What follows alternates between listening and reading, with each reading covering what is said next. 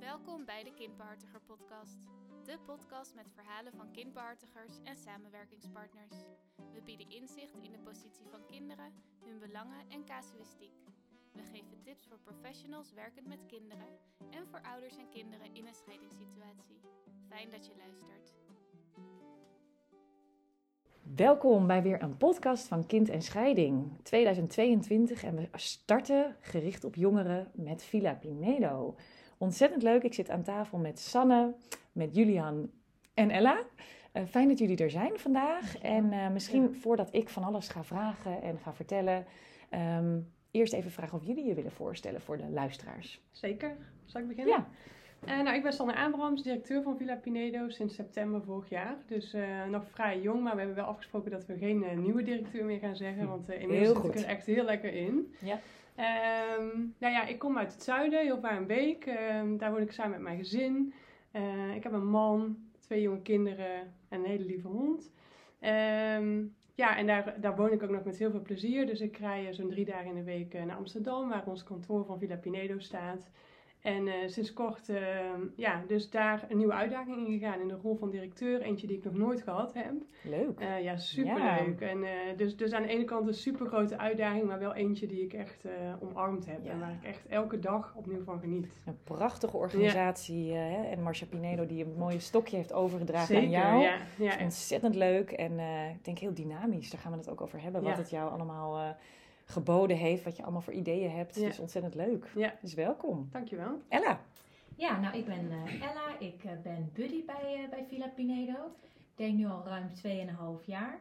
Met, met heel veel plezier. Um, en ik kom, kom uit Arnhem. Ah, ja. ja. dus jij bent daar in de regio actief. Ja. Ja, ja. leuk. Dank je. Fijn dat je er bent. En Julian? Ja, ik ben Julian. Ik ben 20 jaar en ik studeer psychologie in Amsterdam. En dat, uh, daar zit ik nu in mijn derde jaar. En ik ben nu sinds uh, een kleine twee jaar ook uh, buddy bij Filipinedo. wat ik heel leuk vind om te doen. En sinds kort woon ik ook op mezelf. En ja, dat is eigenlijk leuk. een beetje mijn Leuk. leven. Ja. En um, wat, wat maakte voor jullie dat jullie graag buddy wilden worden? Ga jij maar. Ja. nou, ik studeer pedagogiek. En uh, ik wist een hele lange tijd eigenlijk niet wat ik wilde studeren. En uh, toen ben ik heel erg gaan nadenken over wie ben ik en hoe ben ik geworden tot wie ik ben. Nou, en daar speelt opvoeding natuurlijk ook een rol bij. En daarbij dus ook de scheiding van mijn ouders. En ik vond het eigenlijk zo interessant om te kijken naar, naar hoe je opvoeding en hoe die scheiding dan bijvoorbeeld invloed op mij heeft gehad. Ja. Dat ik ben begonnen met de studie pedagogiek. Dus dat is echt ook mijn motivator geweest om daarmee te beginnen. Um, en toen kwam ik binnen mijn opleiding in gesprek met mijn, uh, met mijn begeleider een kennismakingsgesprek en zij zei: Eigenlijk wat jij nu omschrijft, daar is een plek voor. En mm. zij wees mij dus op Villa Pinedo. Wat leuk hè, wat mooi ja. hoe dat dan zo ja, gaat. Ja. ja, en bij jou?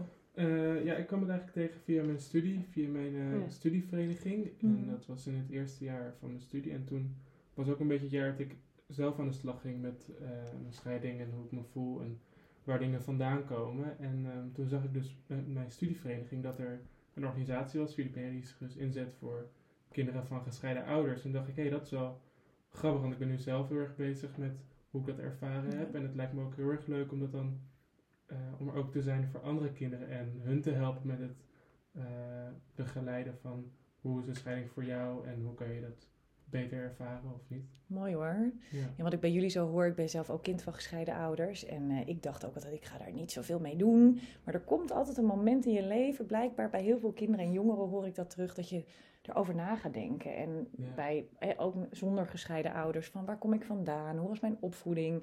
En ik merk toch ook een bepaalde kracht bij kinderen van gescheiden ouders.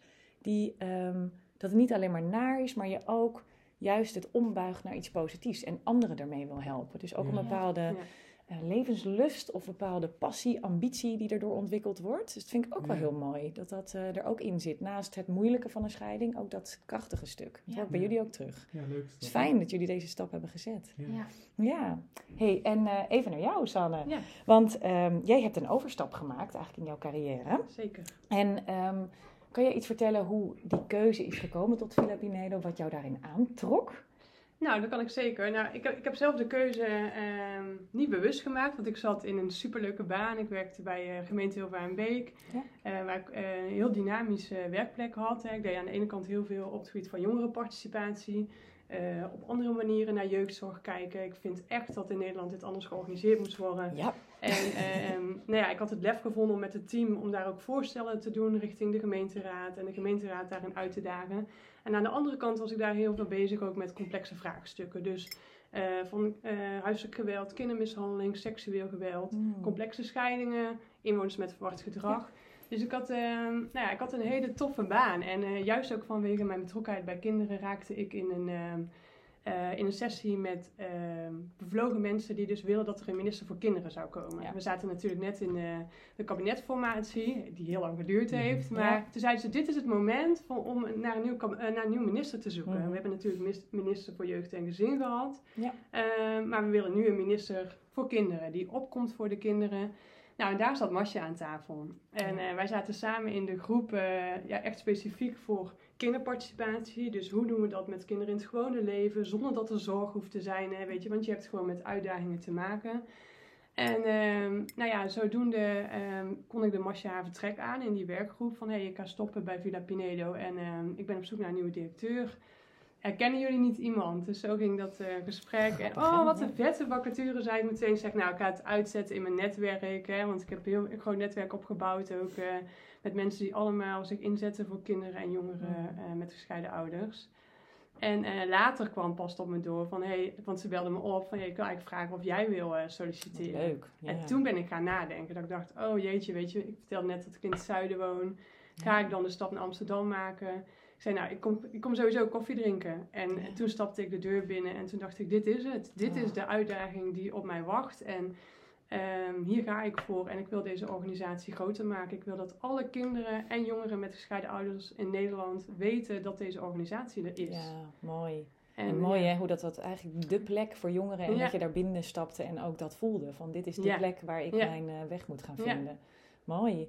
En, en ehm, hoe voelt het voor jou om daar te zijn toen je, toen je daar gewoon aan de slag ging? Ja, het voelt heel goed. Ja. Eh, het voelt gewoon eh, heel vertrouwd. En eh, tuurlijk heb ik van alles in moeten lezen.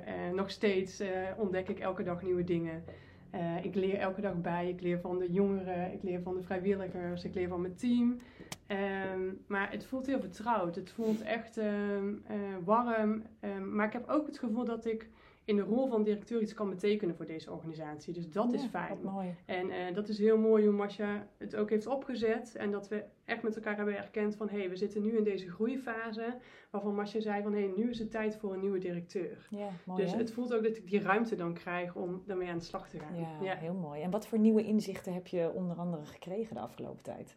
Nou ja, ik ben elke dag nog wel inzichten op aan het doen. Eh, wat ik heel bijzonder vind eh, bij Villa Pinedo... dat ontdekte ik in een aantal dagen... is de zorg waarmee zij ehm, de chats eh, monitoren. Mm. Dus je hebt een chat tussen een buddy en een kind. En elke chat wordt meegelezen door ons team.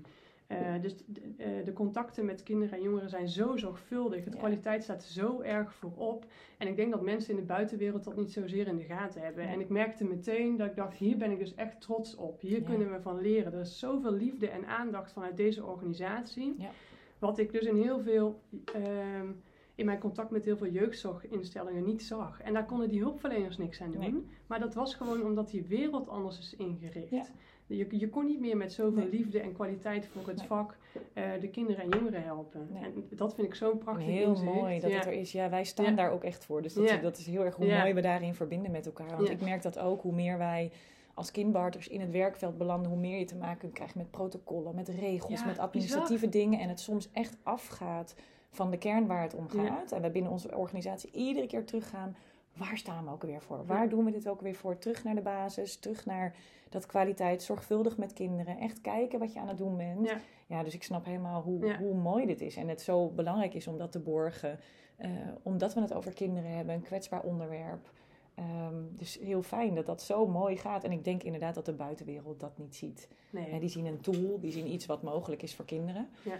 Wat ik wel heel fijn vind, is dat echt heel veel ouders ehm, in de trajecten die ik zelf heb, jullie noemen. en ook het boek genoemd wordt. Eh, dat is natuurlijk heel fijn. Ja, Nee, ik zoek, en anders moet ik misschien weer even terug naar Villa Pinedo of anders kijken of ik daar nog tips kan krijgen. Ik had gisteren toevallig ook een sessie met ouders. Die, Ja, ik heb het boek eh, gelezen. Ja, Eh, je hoeft het niet alleen te doen. Daar staan mooie tips in die we kunnen gebruiken, want we gaan het onze kinderen vertellen. Ja. Heel waardevol. Ja. Dus dat, jullie doen ontzettend mooi werk op allerlei lagen. Dus dat is heel fijn. Ehm, ehm, wat heeft jou, eh, zit ik even te denken, verrast? Als je kijkt naar bijvoorbeeld de verwachting die je had om bij Filipinedo te starten. En dat je denkt, hé, hey, dat heeft me nou echt verrast. Of zag ik anders? Nou, ik denk dat dat eh, de betrokkenheid van het team en van de vrijwilligers is. En ik wist dat de betrokkenheid heel groot was. En ik wil ook echt niet zeggen dat ik alleen maar met mensen heb gewerkt die niet zo eh, vanuit hun passie en energie werkten. Maar, maar zowel de vrijwilligers als het eigen team, die werken zo vanuit hun intrinsieke motivatie. Zij staan op en ze willen verschil maken voor kinderen Ja, en mooi. jongeren. En die energie, die vibe, die, hè, er is er geen eentje die eruit springt. En Heerlijk. om daar, Oh. eh, om daar die rol van te hebben, ja, dat, Ja. dat is gewoon. Dan denk ik, yes, dit is eigenlijk eh, de Ja. vibe waarin je elke dag wil werken. Mooi En, hè? Ja, Ja, het werken met kinderen en jongeren is heel fijn. Ja, Julian? mag ik vragen, eh, heb je een idee waar dat dan door zou kunnen komen? Dat het bij Filipino dan zo hoog ligt? nou, dat, ja ehm, ik denk echt dat het is omdat wij allemaal ehm, teamleden zijn die een ervaring hebben. En die zelf dus hebben meegemaakt ehm, eh, hoe het is om kind van gescheiden ouders te zijn. En dat zij dus eh, zelf daar ook een stukje in gemist hebben. En zij willen er alles aan doen om dat nu aan die kinderen en jongeren die eh, vandaag Ja. of morgen te horen krijgen dat hun ouders uit elkaar gaan, daar willen ze voor staan. Iets aan bijdragen. En dat, dat is Ja. mooi. Ik moet wel even zeggen dat ik zelf geen kind van gescheiden ouders ben. Dus, ehm, Maar is ook weer mooi, want daardoor Ja. kun je ook weer leren van, van ehm, wat je van deze inzichten meekrijgt en door een andere bril gaan kijken. En als je dat, dat gezinsleven wel gekend hebt, hoe is het om dat eh, voor kinderen om dat niet gehad te zeker, ja. hebben? ja. Ehm, ik ben ook wel benieuwd bij jullie, Ella en Julian, ehm, hoe dat voor jullie voelt. Ehm, ik merk ook als kind van gescheiden ouders dat je soms net wat voelsprieten op een andere manier hebt. Dat ik ook wel eens nadenk, eh, daar is ook mijn passie voor de kindbartiger vandaan gekomen. Dat ik echt miste dat er iemand voor het kind was die het snapt, die ook dat juridische snapt. En ook snapt hoe je de taal moet spreken van hulpverleners. En iemand die echt naast het kind staat. Hoe is dat voor jullie als je dan kijkt naar je eigen scheiding? Wat heb je het meest meegekregen waarvan je denkt, daarom wil ik er iets mee? Nou, ik denk dat volwassenen ervan uitgaan dat een scheiding erbij hoort en dat een kind zich heel gemakkelijk aan zou passen. Hmm. Ehm, en ik denk eigenlijk dat, of ik vind, ik heb ervaren, dat er gewoon veel te weinig is gevraagd hoe het voor mij was. Mhm. Hoe zijn deze afspraken voor mij of hoe zie ik dingen het Ja. Dat is gewoon volledig eh, Ja. uitgebleven. Ja, vergeten ouders ook soms door hun eigen Ja. proces waar ze in zitten. Ja, en, En, eh, naast de ouders ook echt de omgeving. Zeker. Ja. Ja, helemaal eens. En bij jou? Ja, ik denk ook wel dat het belangrijk is, want als je een scheiding meemaakt, dan kan je daar heel lang negatieve gevolgen van ervaren, maar je kan er ook mee aan de slag gaan. En ik denk dat is natuurlijk wel cruciaal, want eh, een scheiding is natuurlijk op zich natuurlijk heel vervelend. Eh, maar als je er vervolgens weer bepaalde krachten van uit kan halen, als je ermee aan de slag gaat en er positieve dingen uitziet, dan denk ik van ja, dat is wel natuurlijk wel heel erg waardevol. Of het iets heel erg negatiefs gaat worden de- voor de rest van je leven, want je bent nog heel jong als je dat Ja, ervaart. precies. Ja. Of dat het iets heel positiefs wordt. Dus Ja. ik denk dat het daarom wel een soort van motivatie voor me is ook om voor anderen eh, de scheiding te ge- vergemakkelijken. Omdat ze nog, eigenlijk hebben ze hier een hele leven een soort van, Ja. Hebben ze hier wat aan. Ja, je neemt het mee en het Ja. je neemt het mee op je pad. En of het een ballast wordt of een, iets waar je lering uit kan Ja. trekken. En dat is ook bij jullie, hè, want jullie stichting is voor kinderen. En, en ja, onze jeugd en band, hè, die, die bepalen ook wel hoe je als volwassene eh, relaties aangaat. Ik merk dat bij mezelf ook, kind van gescheiden ouders. En ik weet ook, oeh, achteraf, nu terugblikken, denk ik, oeh ja, eh, heeft toch wel iets gedaan in hoe ik relaties aanga. Of ik mensen vertrouwde, eh, de type jongens die ik uitzocht, ja of nee. Dus dat doet wel iets met je. Ehm, en ook welke waarden en normen je zeg maar meeneemt. Ehm, ik ben ook een beetje benieuwd naar jullie eigen jeugd en of je daar iets over wil vertellen van hoe dat een beetje is gelopen, eh, wat je ervan herinnert, iets, ook de mooie dingen, maar ook de dingen waarvan je zegt, nou die vond ik echt wel heel lastig. Jij noemde al iets Ella van dat er ja, toch wel weinig gevraagd werd aan mij, hoe het voor mij was, Ja. dingen die ik belangrijk Ja, vond. Kan jij iets vertellen over jouw jeugd? Ja, tuurlijk. Ik eh, was 11 jaar Ja. toen mijn ouders uit elkaar gingen. En toen zat ik net in de overgangsfase van basisschool naar middelbare school. Dus toen was er al heel veel in mijn leven wat dan ging veranderen. Dus dit kwam er dan wel als heftige klap bij. Omdat ik het ook totaal niet aan had zien komen. Mm. Eh, ik heb mijn ouders ook nooit ruzie horen maken of iets dergelijks. Dus het was echt op het een of ander moment. Ehm, en ik kan heel goed herinneren dat ik me vooral heel erg groot heb gehouden. Mm. Ja. Ik heb twee jongere broertjes en toen dacht ik, nou, ik moet er voor hen zijn. Mijn ouders zijn verdrietig. Ik kan dan ook niet nu nog mijn verdriet laten zien, want dat is dan misschien te veel. Dus ik heb het altijd best op de achtergrond gehouden. En eh, mijn ouders zijn eh, niet heel ver weg bij elkaar gaan wonen. Dus ik ben de ene week bij de ander geweest en de ene week bij de ander. En op een gegeven moment eh, kreeg mijn moeder een relatie met iemand die ik al kende. Dat was namelijk de vader van mijn vroegere beste vriendin. Ah. Ja, Ja. dus daar zijn we toen ook bij gaan wonen. En dat was Ja. wel heel erg gek. Want dat was het huis waar ik vroeger kwam om te spelen, om te logeren. En dat moest ik dan ook mijn thuis noemen. Ja. En dat voelde voor mij een hele lange tijd niet zo. Nee. Ehm, en ik heb ook nog wel gemerkt dat mijn moeder ook wel ergens dingen op mij heeft afgereageerd. Dus ik heb Mm. op een gegeven moment wel in een soort van... ehm, ja, ik heb wel strijd met haar gehad. Mhm. En daardoor heb ik op een gegeven moment ben ik bij mijn vader gaan wonen. Mhm. Nou, op een gegeven moment was dat ook een beetje too much. En toen ben ik weer Ja. teruggegaan naar mijn moeder.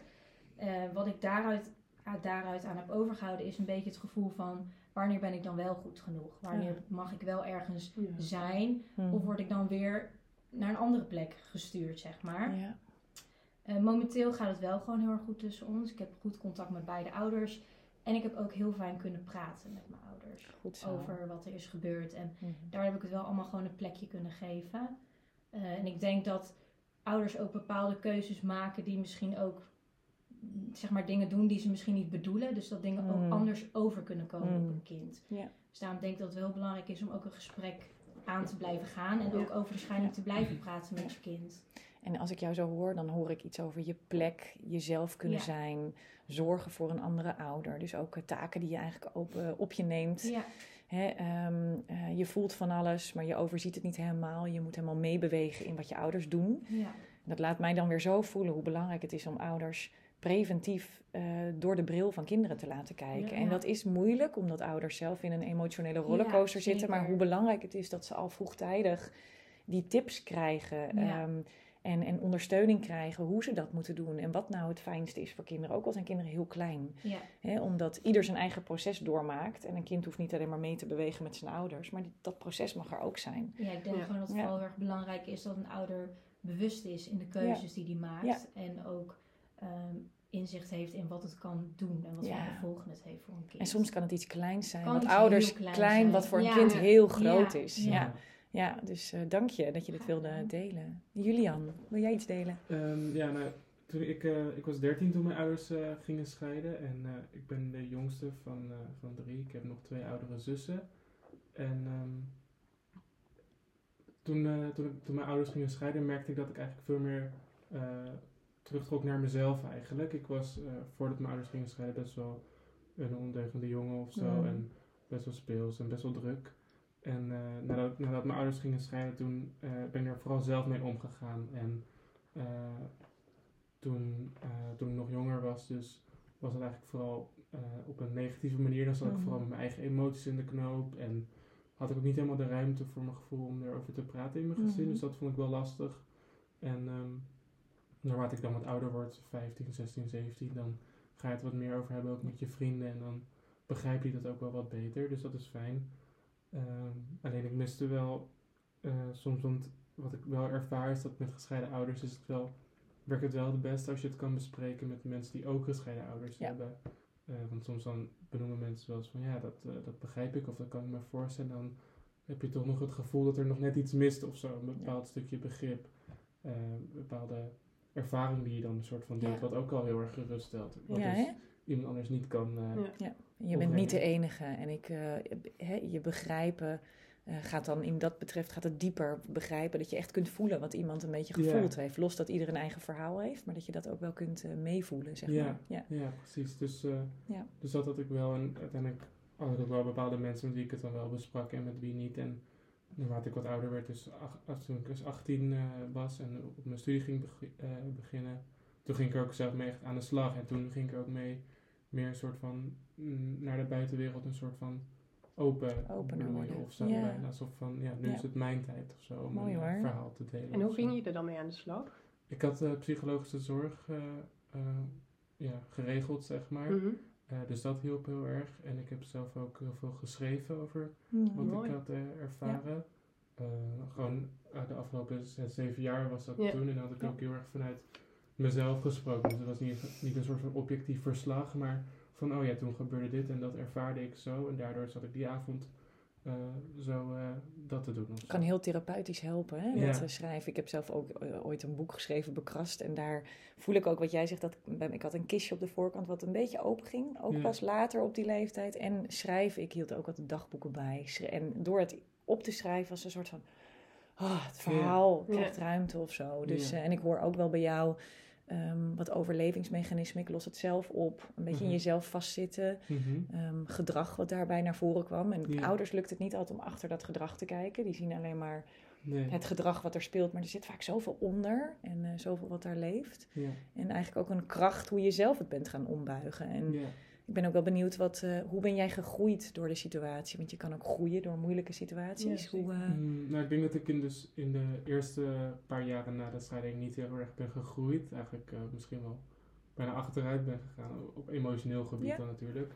Ja. En eh, nou ja, dus vanaf mijn achttiende ben ik dan wel heel erg gegroeid. En ik ben vooral ook anders naar mezelf gaan kijken. Ik heb het idee dat ik mhm. voor ik dus ermee aan de slag ging, dan voelde ik me vaak heel erg slecht over mezelf. En eh, ik had niet echt het idee van, oh, de scheiding komt door mij of zo. Dat, dat, dat heb ik nooit echt gedacht. Maar ik zag niet echt heel veel positieve dingen in Mhm. eh, van leven. Omdat eh, die scheiding die ging nog wel lang door. En dan was daar weer een conflict en dan was daar weer een conflict. En dan had ik weer wat minder contact met mijn vader. En dan zijn er iedere keer dingen waar je dan heel erg slecht over kan voelen. Ja. En, eh, Dus ja. het stopte niet eigenlijk, dat bleef een beetje doorgaan. Nee, Ja. precies. En nu is het ook veel kalmer. En ik heb eh, een goede band nu met beide ouders, waar ik dus heel erg blij mee ben. En Fijn, ja. ja, ook wel Ja. trots, want daar moet je ook wel voor aan de slag, zeg maar. Ja. Ehm, En heb je dus het gevoel dat dan dat soms, eh, ehm, eh, doordat je zoiets meemaakt, je ontwikkeling soms wat la- trager op gang komt? Of dat dat wat meer tijd vraagt? Mm, nou, ik heb eigenlijk het idee dat ik me wel sneller volwassen gedraag dan Ja. eigenlijk mijn vrienden. Dus misschien is mijn ontwikkeling wel eh, wat sneller gegaan of zo. Op een Ja. soort van groeispurt kan je het misschien bij Ja, zien. Omdat je sneller volwassen moet worden of zo door de Ja. situatie. Ja. Ja. Dus ik denk dat, Ja. eh, dat mijn ontwikkeling niet per se op dat gebied achter, achterloopt of nee. zo. En wat vond jij het allermoeilijkste van de scheiding? Ehm, ik denk. ehm, ik denk dat ik het heel erg lastig vond. dat Ik me niet heel erg gezien en gehoord voelde. Die hoor ik Ja. vaak terug. Ja. Dus des te belangrijker dat jullie er zijn, ook eh, vanuit Villa Pinedo. Hè? Dat je je gezien Ja. en gehoord voelt door iemand die het begrijpt. Als ik jou zo dat terug hoor eh, zeggen. Ja. En bij jou, eh, Ella, wat kan jij zien wat, wat, waardoor jij gegroeid bent? Waarvan je zegt, hé, hey, dat, daar heb ik ook een soort groeispurt in meegemaakt. Ehm, ik denk dat ik goed kan aangeven hoe ik me voel. En ook goed onder woorden kan brengen waarom ik dingen voel en wat ik van dingen vind. Eh, maar dat ik dingen ook heel erg bij mezelf kan houden nu. Dus dat ik het niet ga wijzen naar een ander, maar dat ik dingen vooral bij mezelf laat. Ik denk dat ik daarin heel erg ben eh, Mooi. gegroeid. Ja. Ja. Dat lukt ook niet iedereen op een bepaalde leeftijd al. dat zie ik bij volwassenen, die mogen dat soms zelfs nog een beetje leren. Dus dat is heel mooi. Ja, Ehm, bewustzijn. ja, ja. ja. En wat vond jij het moeilijkste van de scheiding? Ehm, vind ik lastig om, om, in- om kort te omschrijven. Maar ik- het gevoel wat bij mij heel erg speelde was een stuk eenzaamheid. Ehm, ik merk, ik had echt het gevoel van, oh, niemand in mijn omgeving die kan precies ervaren of voelen of inbeelden hoe ik me voel, omdat de situatie Ja. niet hetzelfde is. Ik merk heel erg door de dingen die jullie zeggen dat ik ook weer even voel wat ik als kind gevoeld heb. Exact deze dingen. Ja. Ja. Ja, het is heel eh, bijzonder omdat weer even, ik denk, oh ja, jeetje, je kan echt weer even terug naar dat Ja, moment. Ja. Ja. Het eenzaamheid, je houdt het voor je, je bent misschien de enige. Ehm, je hebt niet begrepen, gezien en gehoord voelen. Heel Mhm. herkenbaar. Ja. Herkenbare thema's voor veel kinderen, denk ik. Ja. Ja. hey, en ehm, misschien voor jou even, Sanne. Ehm, jullie zijn bij Filopinedo met heel veel dingen bezig. Kun jij wat vertellen over wat jullie eigenlijk binnen de stichting allemaal doen voor kinderen? Maar ook voor de, voor de vrijwilligers, voor de buddies, wat jullie daar ook in doen. Ja, ik zal beginnen met de, met de kinderen op de eerste Ja. plaats. Eh, we hebben een, ehm, een app en in die app kunnen kinderen vragen om een buddy. Eh kunnen ze zich eigenlijk voor aanmelden en dan chatten ze met een buddy. Dus dat zijn eh, jongeren waar we net over gehad hebben die zelf een ervaring hebben met gescheiden ouders. Waar ze gewoon lekkere vragen kunnen stellen. Ehm, soms gaat het over de scheiding, maar het gaat ook echt over andere thema's in het leven. Gewoon de Mhm. struggles waar je tegenaan loopt, de leuke dingen eh, die ze graag even willen delen.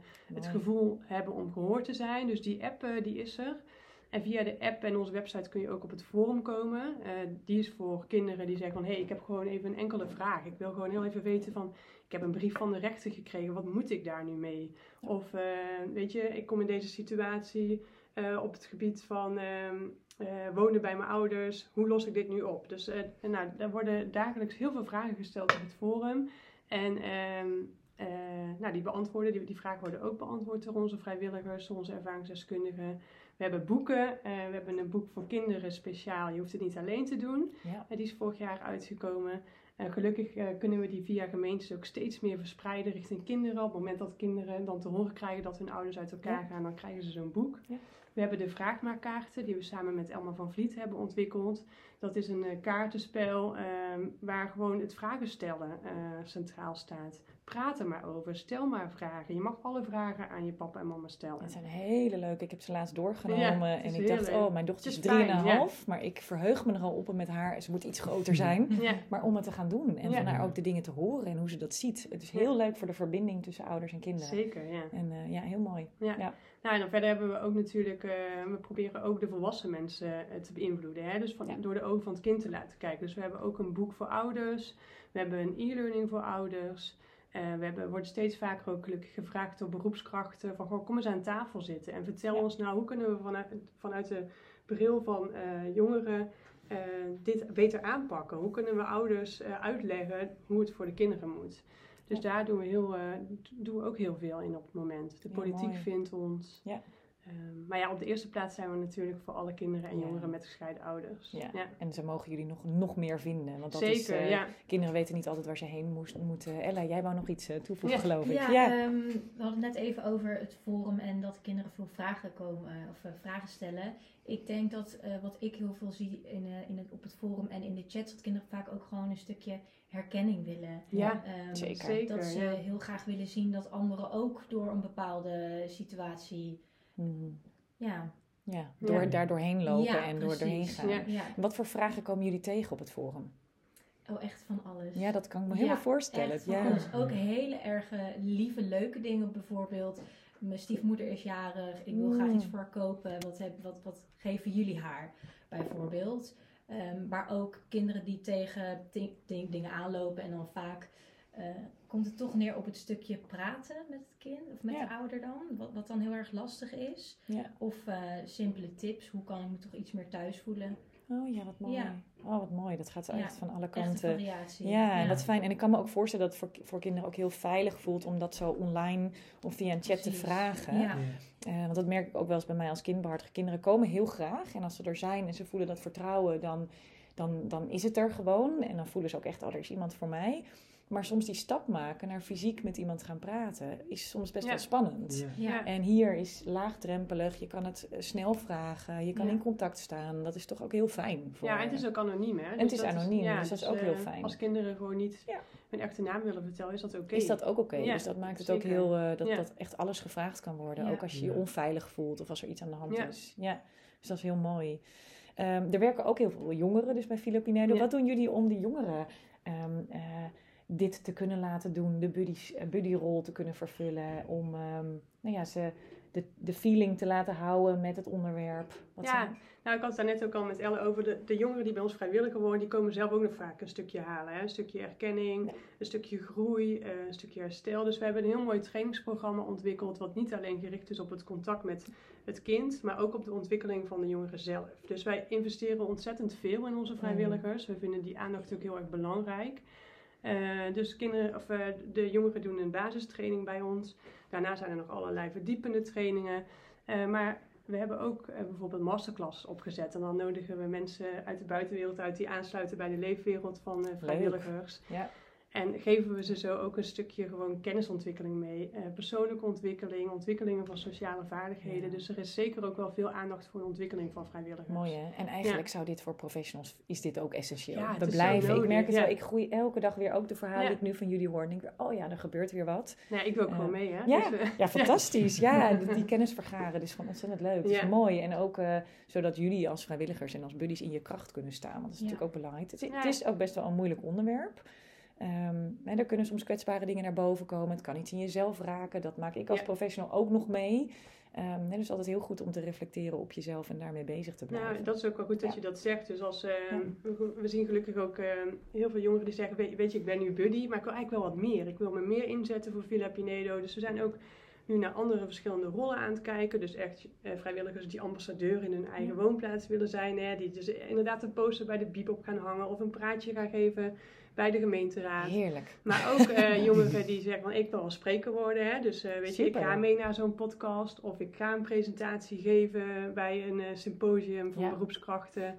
Eh, dus die zijn we nu ook aan het opleiden. En daar willen we ook weer willen vloggers en bloggers eh, Heel zoeken. leuk. Dat voelt Dus- echt als een soort kindinclusie waar we het Ja. ooit over hebben. Van kinderen Ja. staan op, jongeren staan op en die Ja. krijgen meer een stem. Ik hou daar heel erg van. Ja, ze Dat- willen gewoon ook veel meer. Ja, en want jullie kunnen een leuk. verschil Ja. maken. En dat merk ik echt. Weet je, we hebben een Ja. bepaalde maatschappij die zo is ingericht. Ja. Maar we kunnen de maatschappij ook weer een draai geven. En dan ben ik ook wel benieuwd naar jullie visie. Ehm, ik merk zelf dat er heel veel aandacht gaat naar conflictscheiding, vechtscheiding, wat niet goed gaat. De sierencampagnes met eh, het, het, het stopt niet vanzelf, hè, dat. Ja. En ik denk ook wel eens, jeetje jongens, maar als we nou het goede voorbeeld willen geven, laat eens zien hoe het wel kan. Ja. Ook hoe je relaties aan kan gaan met andere mensen en hoe je het wel doet of hoe je dat op een respectvolle manier stopt. Ehm, hoe kijken jullie daar tegenaan? Ja, bij mij gaat het dan altijd helemaal kriebelen. Eh, Maar weet je, ik, ehm, ik vind het... ehm, weet je, zorg moet goed geregeld zijn, hè, dat op de eerste plek. Er zijn echt heel veel schijnende situaties waar het goed geregeld moet zijn. Zeker. Waar, waar misschien juist wel meer zorg nodig is en waar de zorg te laat is geweest. Maar als je het in verhouding bekijkt, dan vind ik dat we in Nederland gewoon te veel investeren in de achterkant van ons jeugdzorgstelsel. En het Mhm. is een soort van dweilen met de kraan open geworden. Mm. Ehm, we zijn heel goed in Nederland in het oplossen van de problemen. Tenminste, Mhm. hè, daar, Mhm. daar stoppen we het geld in. Ja. Wat we moeten doen is, we willen natuurlijk dat die problemen niet ontstaan. En dat, dat is heel spannend. De jeugdwet maakt nu niet heel goed mogelijk om daar te investeren. Er is weinig financiële ruimte voor gemeentes om juist aan die voorkant te gaan zitten. En liefst nog niet eens in zorg, maar gewoon in het versterken in het gewone leven. Ja. Sluit aan bij de leefwereld van jongeren. Kijk wat jongerenwerk kan doen op een gewone manier. Jongerenwerk wordt al vaak geassocieerd met probleemjongeren. Maar jongerenwerk is zo mooi. Het is Ja. echt gericht op talentontwikkeling, op mogelijkheden. Ja. Dus ik ben juist heel erg veel, heel erg een voorstander om te verschuiven van de focus op problemen naar de focus op talenten en mogelijkheden. Nou, echt. Op de ontwikkeling eh, van kinderen en jongeren en op kansengelijkheid daarin ook. Ja. Alle kinderen hebben recht eh, om zichzelf te kunnen ontwikkelen en ontplooien. En als ze dat nog eens samen doen, dan krijg je mooie combinaties. Want vaak worden jongeren die in een complexe situatie zitten, er ook gewoon ook eens even uitgeplukt. Hè? Die worden in een soort van eh, hokje gezet. Ja. Terwijl als je, als je die met een jongere die in een minder heftige situatie of in een hele goede situatie zit, bij elkaar zet, dat, dat geeft weer zoveel Ja, die je Ja. aan elkaar kan geven. Ja, heel mooi. Ja, En veel verder, maar dat kunnen we, we kunnen het zo breed. Ik denk dat er veel meer naar de voorkant kan worden gaan. Ook ouders die kindjes krijgen, die nemen Zeker, zelf iets mee. We worden daar helemaal niet op voorbereid. Je gaat naar school, je krijgt autorijles, je moet van alles doen. Je auto krijgt een APK-keuring, maar je relatie nooit. Ja, de puppycursus, je relatie nooit. Een kindje krijgen niet. Ik weet dat zelf. Ik heb, ben Ja. getraind als professional, doe nu weer een opleiding. Alles over kinderen, ik weet het. Maar moeder worden Ja. is echt wel wat anders. Toen ik Ja. mijn dochtertje had, onzekerheden. Mijn hele jeugd kwam er even langs.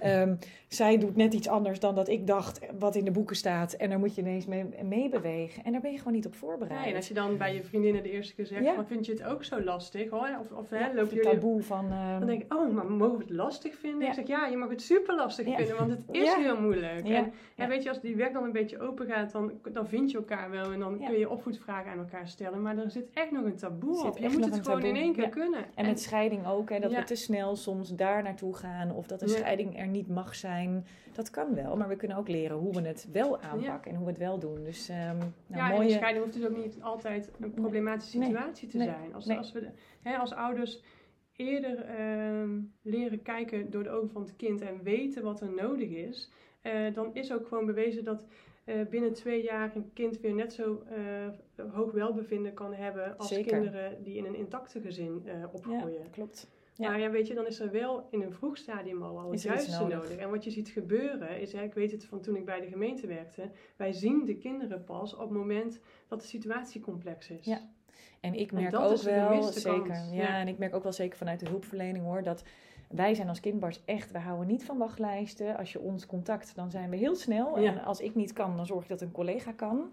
Maar ik merk wel heel erg hoe lang dingen soms stil blijven Mhm. liggen. Of nu, wat ik bij mezelf merk als praktijk, hoeveel administratieve dingen ik moet doen. Voor de gemeente, voor het Ja. CBS, voor ik moet allemaal verantwoordingen afleggen, mijn kwaliteit borgen. Tuurlijk, sta ik helemaal voor.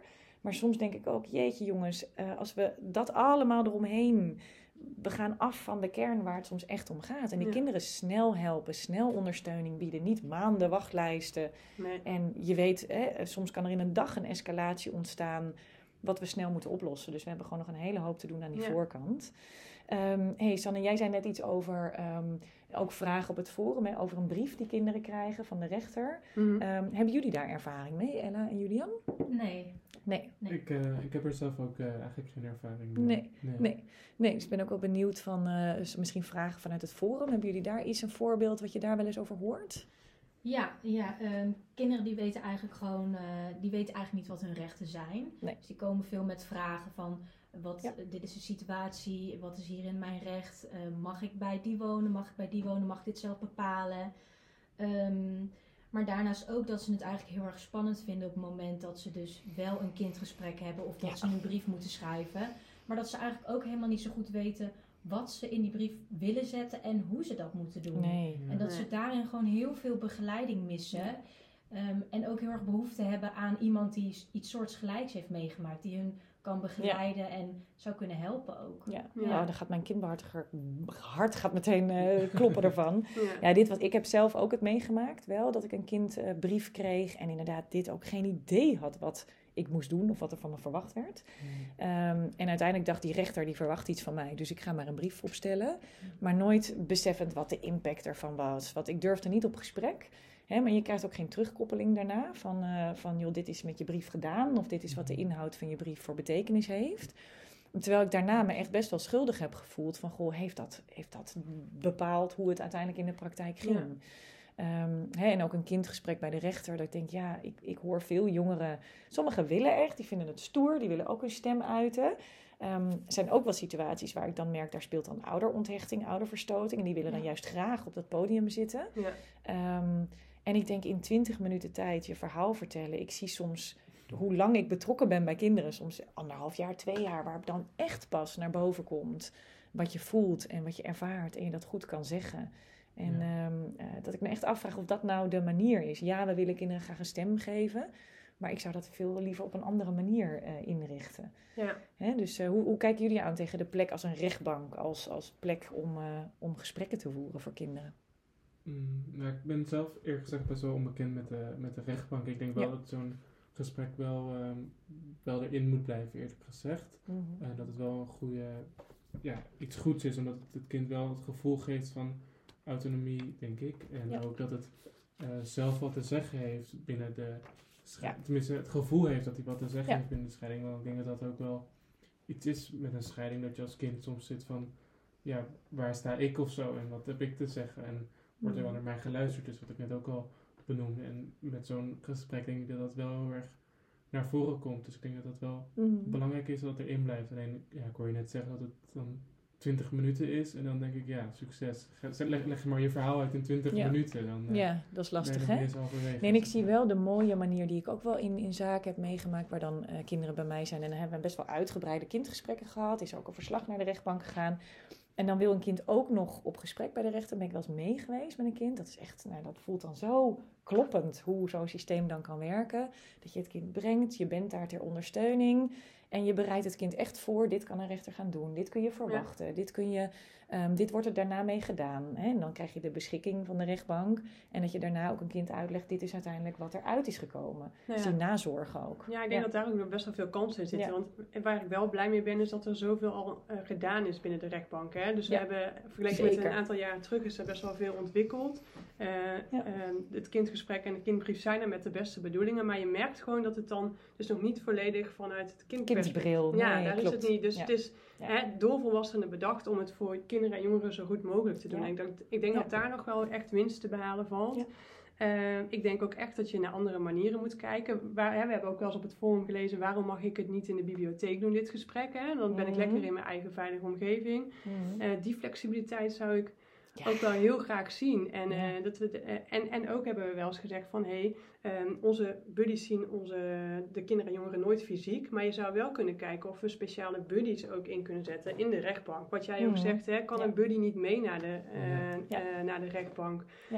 Dat gesprek, eh, het kindgesprek mogen de ouders niet bijzitten. Maar hoe fijn zou het zijn als daar gewoon. Iemand je eh, maatje zelf erbij. steunen? Ja. Ja, die En- gewoon eh, daarna van hoe was het voor je en hoe Ja. voelt het, zonder dat je verstand hoeft te hebben van het hele proces, maar dat meer dat steunstuk. Ja, vooral, ja. Ook te- Ja. eh, vooral ook daarna. Van, hey, Ja, weet daarna, je, hoe daarna voel je zo. je nu? Ja. Ehm, hè, wat doet het met je? Ja, Heb je dat. begrepen wat de rechter Ja. zei? Wil Ja. je daar nog iets Ja. in doen? Stellen je ouders vragen Ja. aan je, ja of nee? Want Ja. het gaat ook weer van, wat heb je gezegd? Hoe was Ja. het? En ja, inderdaad, dat... ook een beetje met twijfels ook. Want ik heb ook wel eens iets gelezen eh, dat iemand heel graag eh, bij je vader wil wonen, maar dit gewoon niet durfde te zeggen. Naar, vanwege loyaliteit naar moeder. Ja. Of dat, Ja. moeder wel heel boos zou worden als ze Ja. echt zou vertellen wat ze Ja. dus En het, is, eh, zegt, ja. ja. en het is nog wel wat hoor. Ik moet wel zeggen, ik ga soms dus mee naar de rechtbank. Ik heb er laatst ook weer gezeten voor twee kindjes. En dan voelt het wel heel fijn dat ik daar mag zitten namens de kinderen om iets te vertellen. Maar zelfs ik voel een soort, vader zit daar, moeder zit daar, advocaten, Ja. vier rechters die naar me kijken. Ja. Met een Ik dat kan ik me denk, voorstellen. oké, wat gaan ze vragen? Hoe verwoord ik dit zo objectief mogelijk, zodat ik alle partijen binnenboord hou en Ja. iedereen, niemand tekort doe? Heb ik, last voel ik hem ook. Ja. Ja. En ik denk Ja. dan, oké, maar ik ben hier namens het kind, dus ik pak dit op. Ja. Maar moet je nagaan hoe dat voor Maar kinderen het is gewoon nooit veilig voor een kind om dan gewoon echt te kunnen zeggen, Alles te kunnen wat zeggen. hij of zij Ja. wil. En ja. het is soms ook heel ingewikkeld. Soms denk je de ene dag dit, denk je de andere dag dat. Ook, en dat ja. is ook nog eens een keer. Ja. Dus. ehm, emoties. ja. Ik bedoel, eh, Ja. in het begin natuurlijk ook mijn eigen scheidingsverhaal verteld. En toch voel je dan echt wel een beetje een soort van emotie Ja, over je heen zeker. Ik moet me voorstellen, ik bedoel, ik voel me hier veilig. Ja. Maar op een plek dat vertellen waar je je misschien niet veilig voelt, Ja, dat is lijkt heel anders, heel hè? heftig Ja. eigenlijk. En Ja. we vragen best wat van kinderen. Hè? Moet je nagaan als volwassene al dat je het soms heel lastig vindt om ergens maar te staan of iets te doen. Ja. We vragen best wat van kinderen. ja, daarin. kinderen horen eigenlijk gewoon niet in de rechtbank thuis. Nee, vind- ben ik ook van mening. Dat is En, een eh, juridische wereld ja. en we kunnen op een andere manier hun stem daar naartoe brengen. Ja. Dat, dat vind ik ook. ja. Ja. Hey, is er iets van de verhalen die jullie gehoord hebben wat je specifiek is bijgebleven? Waarvan je echt denkt, oh, eh, een, een jongen of meisje die iets eh, aangaf op het forum of in de chat waarvan ik denk, ja, die eh, is blijven hangen. Nou, misschien niet iets negatiefs, maar eigenlijk wel iets heel erg positiefs. Ehm, ik sta in contact met drie meisjes. En Mhm. eh, een van die meiden had ik eh, geregeld contact mee. De ene moment iets meer dan het andere moment. En toen had ik een hele lange tijd niks van haar gehoord. En toen kreeg ik in één keer een, eh, een berichtje van haar binnen met dankjewel dat jij er wel altijd voor mij bent. En toen smolt ik Ah. helemaal weg. Daar doe je het voor. ja, en dat, en dat voelde ik. Echt een, een vuurtje wat aan. dacht ik, zie je misschien, praat ik niet eens dagelijks met haar, maar ben ik wel gewoon heel erg van belang. En, En dat, dat ja. zij weet dat, dat er iemand is die naar haar luistert. Ja. Ja, Ja. belangrijk hè? Ja, Heel zeker. mooi. Dat je maar- zo'n verschil kan maken. Ja, wat ik ook wel mooi vind is ook het vertrouwen wat er is in de buddies. Het, het voelt echt als een plek waar ze Ja. hun verhaal kunnen vertellen en ehm, eh, dat die ruimte ook wordt geboden om gewoon jezelf te kunnen zijn. En dat krijgen we ook heel vaak terug Ja. eh, in positieve berichten. En hè, fijn dat er iemand is die naar mij luistert. Maar we hebben ook best wel, eh, in, in- in een aantal chats komen best wel wat complexe situaties naar Mhm. voren. Hè. Het, is, het is niet altijd makkelijk in het leven en er komen ook andere uitdagingen bij kijken Mhm. als eenzaamheid, mentale gezondheid. eh, helaas ook eh, signalen van huiselijk geweld. Ja. Weet je, en, en dan ehm, ja, hebben we op een ander level ook gesprek met elkaar. En als kinderen dan zeggen van, hé, hey, jij bent de eerste tegen wie ik het vertel, waar er een reactie op komt. Ja, weet je, dan ben ik ook wel echt verwonderd. En dat soort dingen blijven mij ook heel erg bij. Dus aan de ene kant zijn wij dus die veilige plek.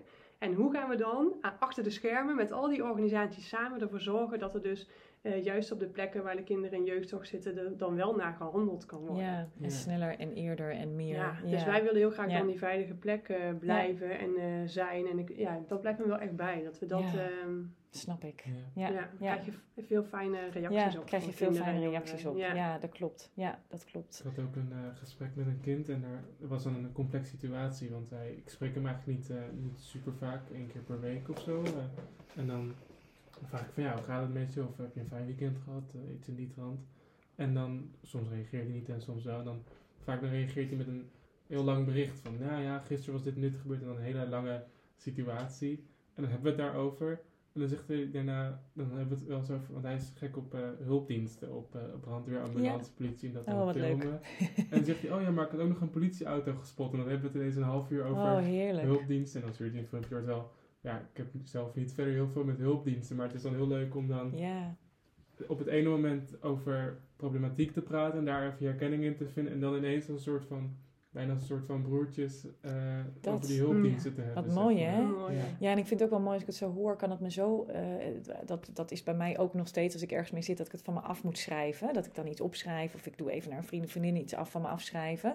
Ja. Dat voel ik ook hierin terug van je schrijft het van je af, je bent het kwijt, iemand hoort het, reageert erop.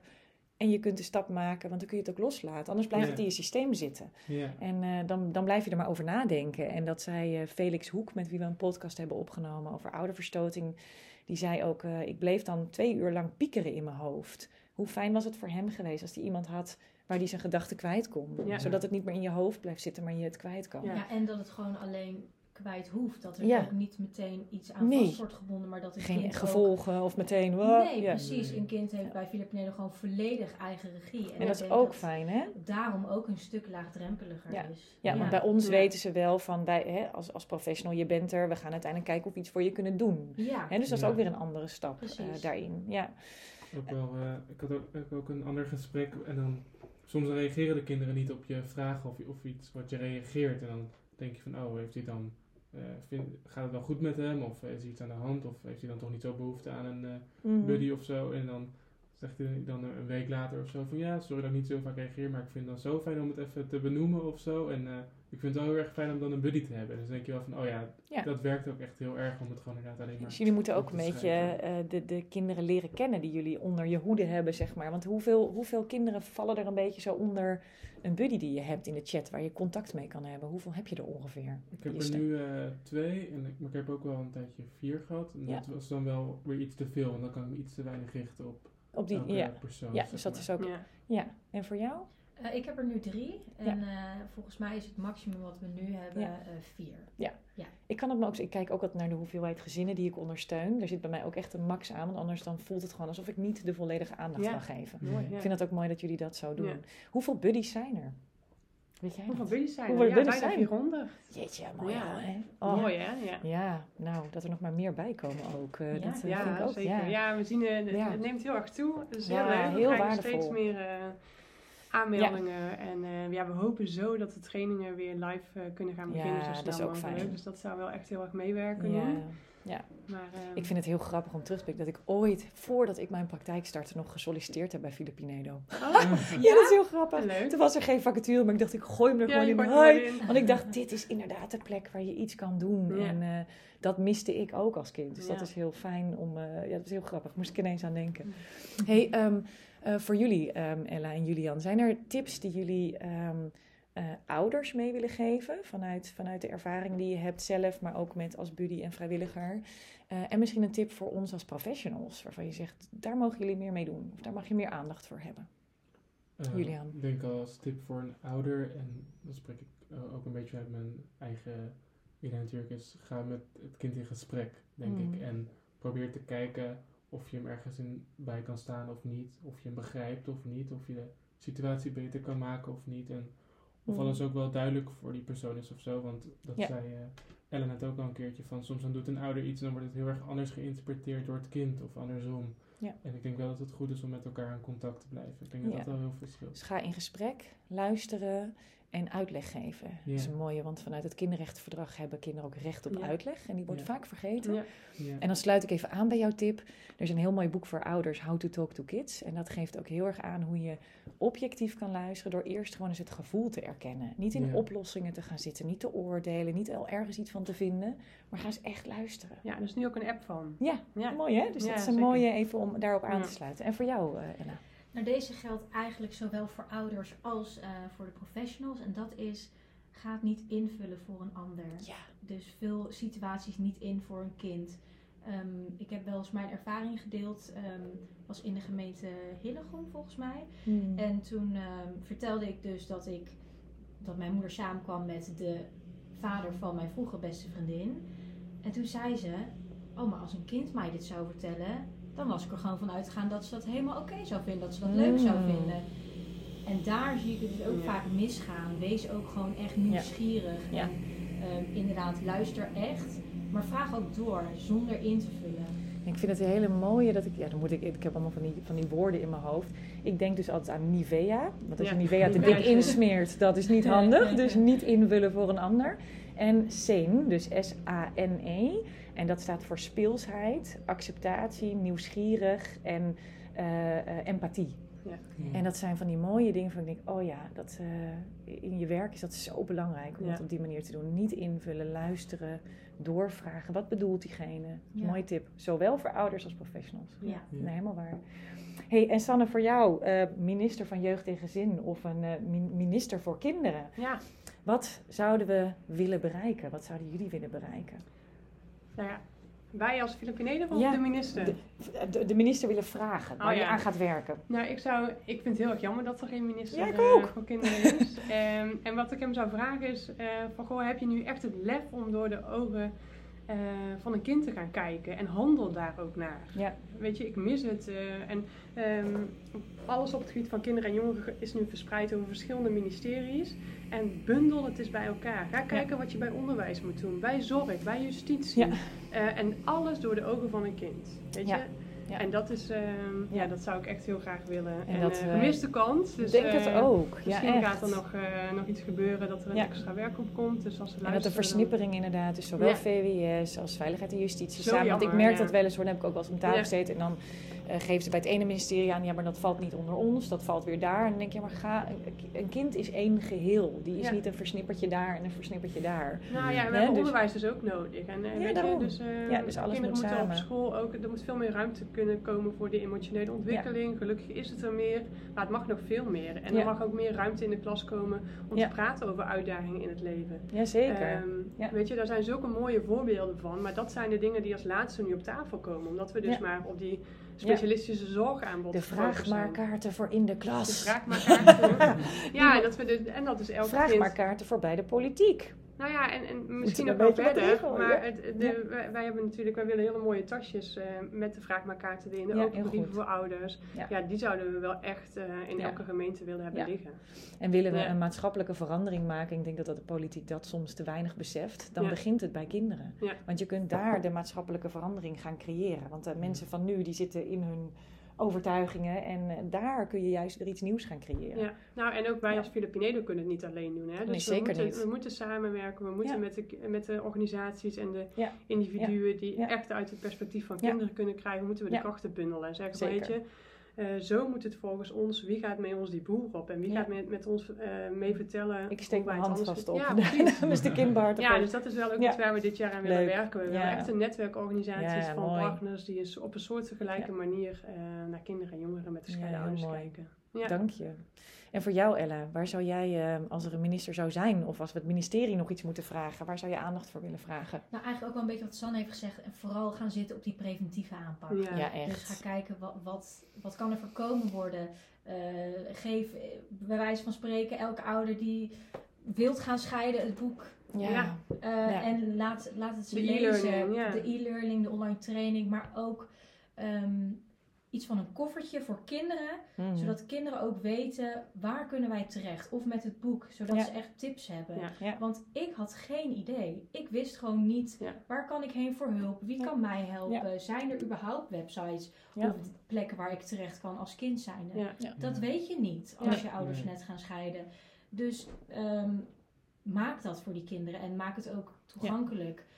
Maar verder, wat, waar ik vroeger heel erg behoefte aan heb gehad, is dat er een eh, hulpverlener na een jaar of na twee jaar bij mij lang zou komen thuis en met mij in gesprek zou gaan van hoe vind jij dat het gaat en Mhm. wat vind jij van de afspraken of moeten we hierin iets veranderen? Ja. Mooi hè? Dus dat er meer naar kinderen wordt gekeken en naar kinderen ook wordt gevraagd. Ja. Ja. Ik doe dat in mijn werk heel veel, dat we een monitorrol hebben. En eh, ehm, ik vind dat dus het meest waardevolle van mijn werk. Ik zie soms kinderen al vier jaar. En ik heb zelfs dat, dat iemand helemaal vanaf het begin, toen ik net mijn praktijk startte, en die stond weer op de stoep. En dat je dus, die ziet één gezicht de hele tijd. En die weet gewoon, ik klop weer even aan, ik wil even checken, ik heb hier last van of daar verandert iets. Hoe fijn is dat? Iemand Ja. die met je meeloopt.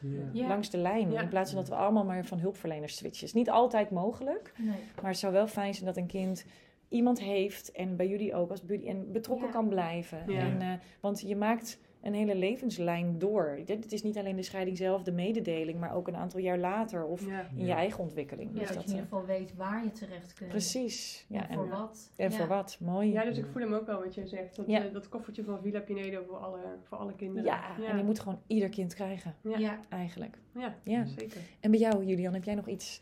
Eh, nou, ik sluit me heel erg aan bij de ideeën van eh, Ella en Sanne. Ik denk dat daar al heel veel, eh, heel veel te halen valt. Ik denk ook dat het wel heel erg goed is om eh, kinderen en jongeren ook echt te betrekken eh, bij dan zo'n eh, ministerie, zeg maar. Ja, Want zeker. eh, zo'n minis- minister kan dan wel vanuit de ogen van een kind kijken en dat helpt heel erg.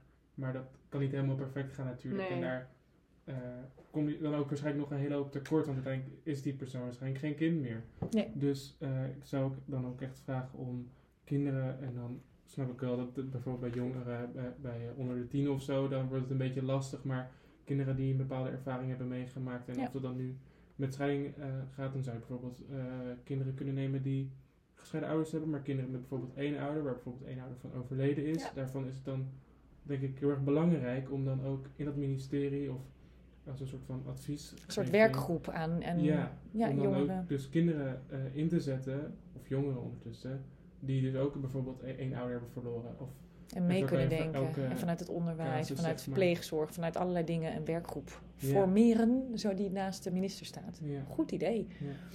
Nou ja, wie weet komt het nog. Hè? Ja, Ehm, jeetje, we hebben heel veel besproken. Ik vond het ontzettend leuk. We kunnen blijven praten. Ik kan alleen maar vragen bedenken om nog meer te bedenken voor jullie.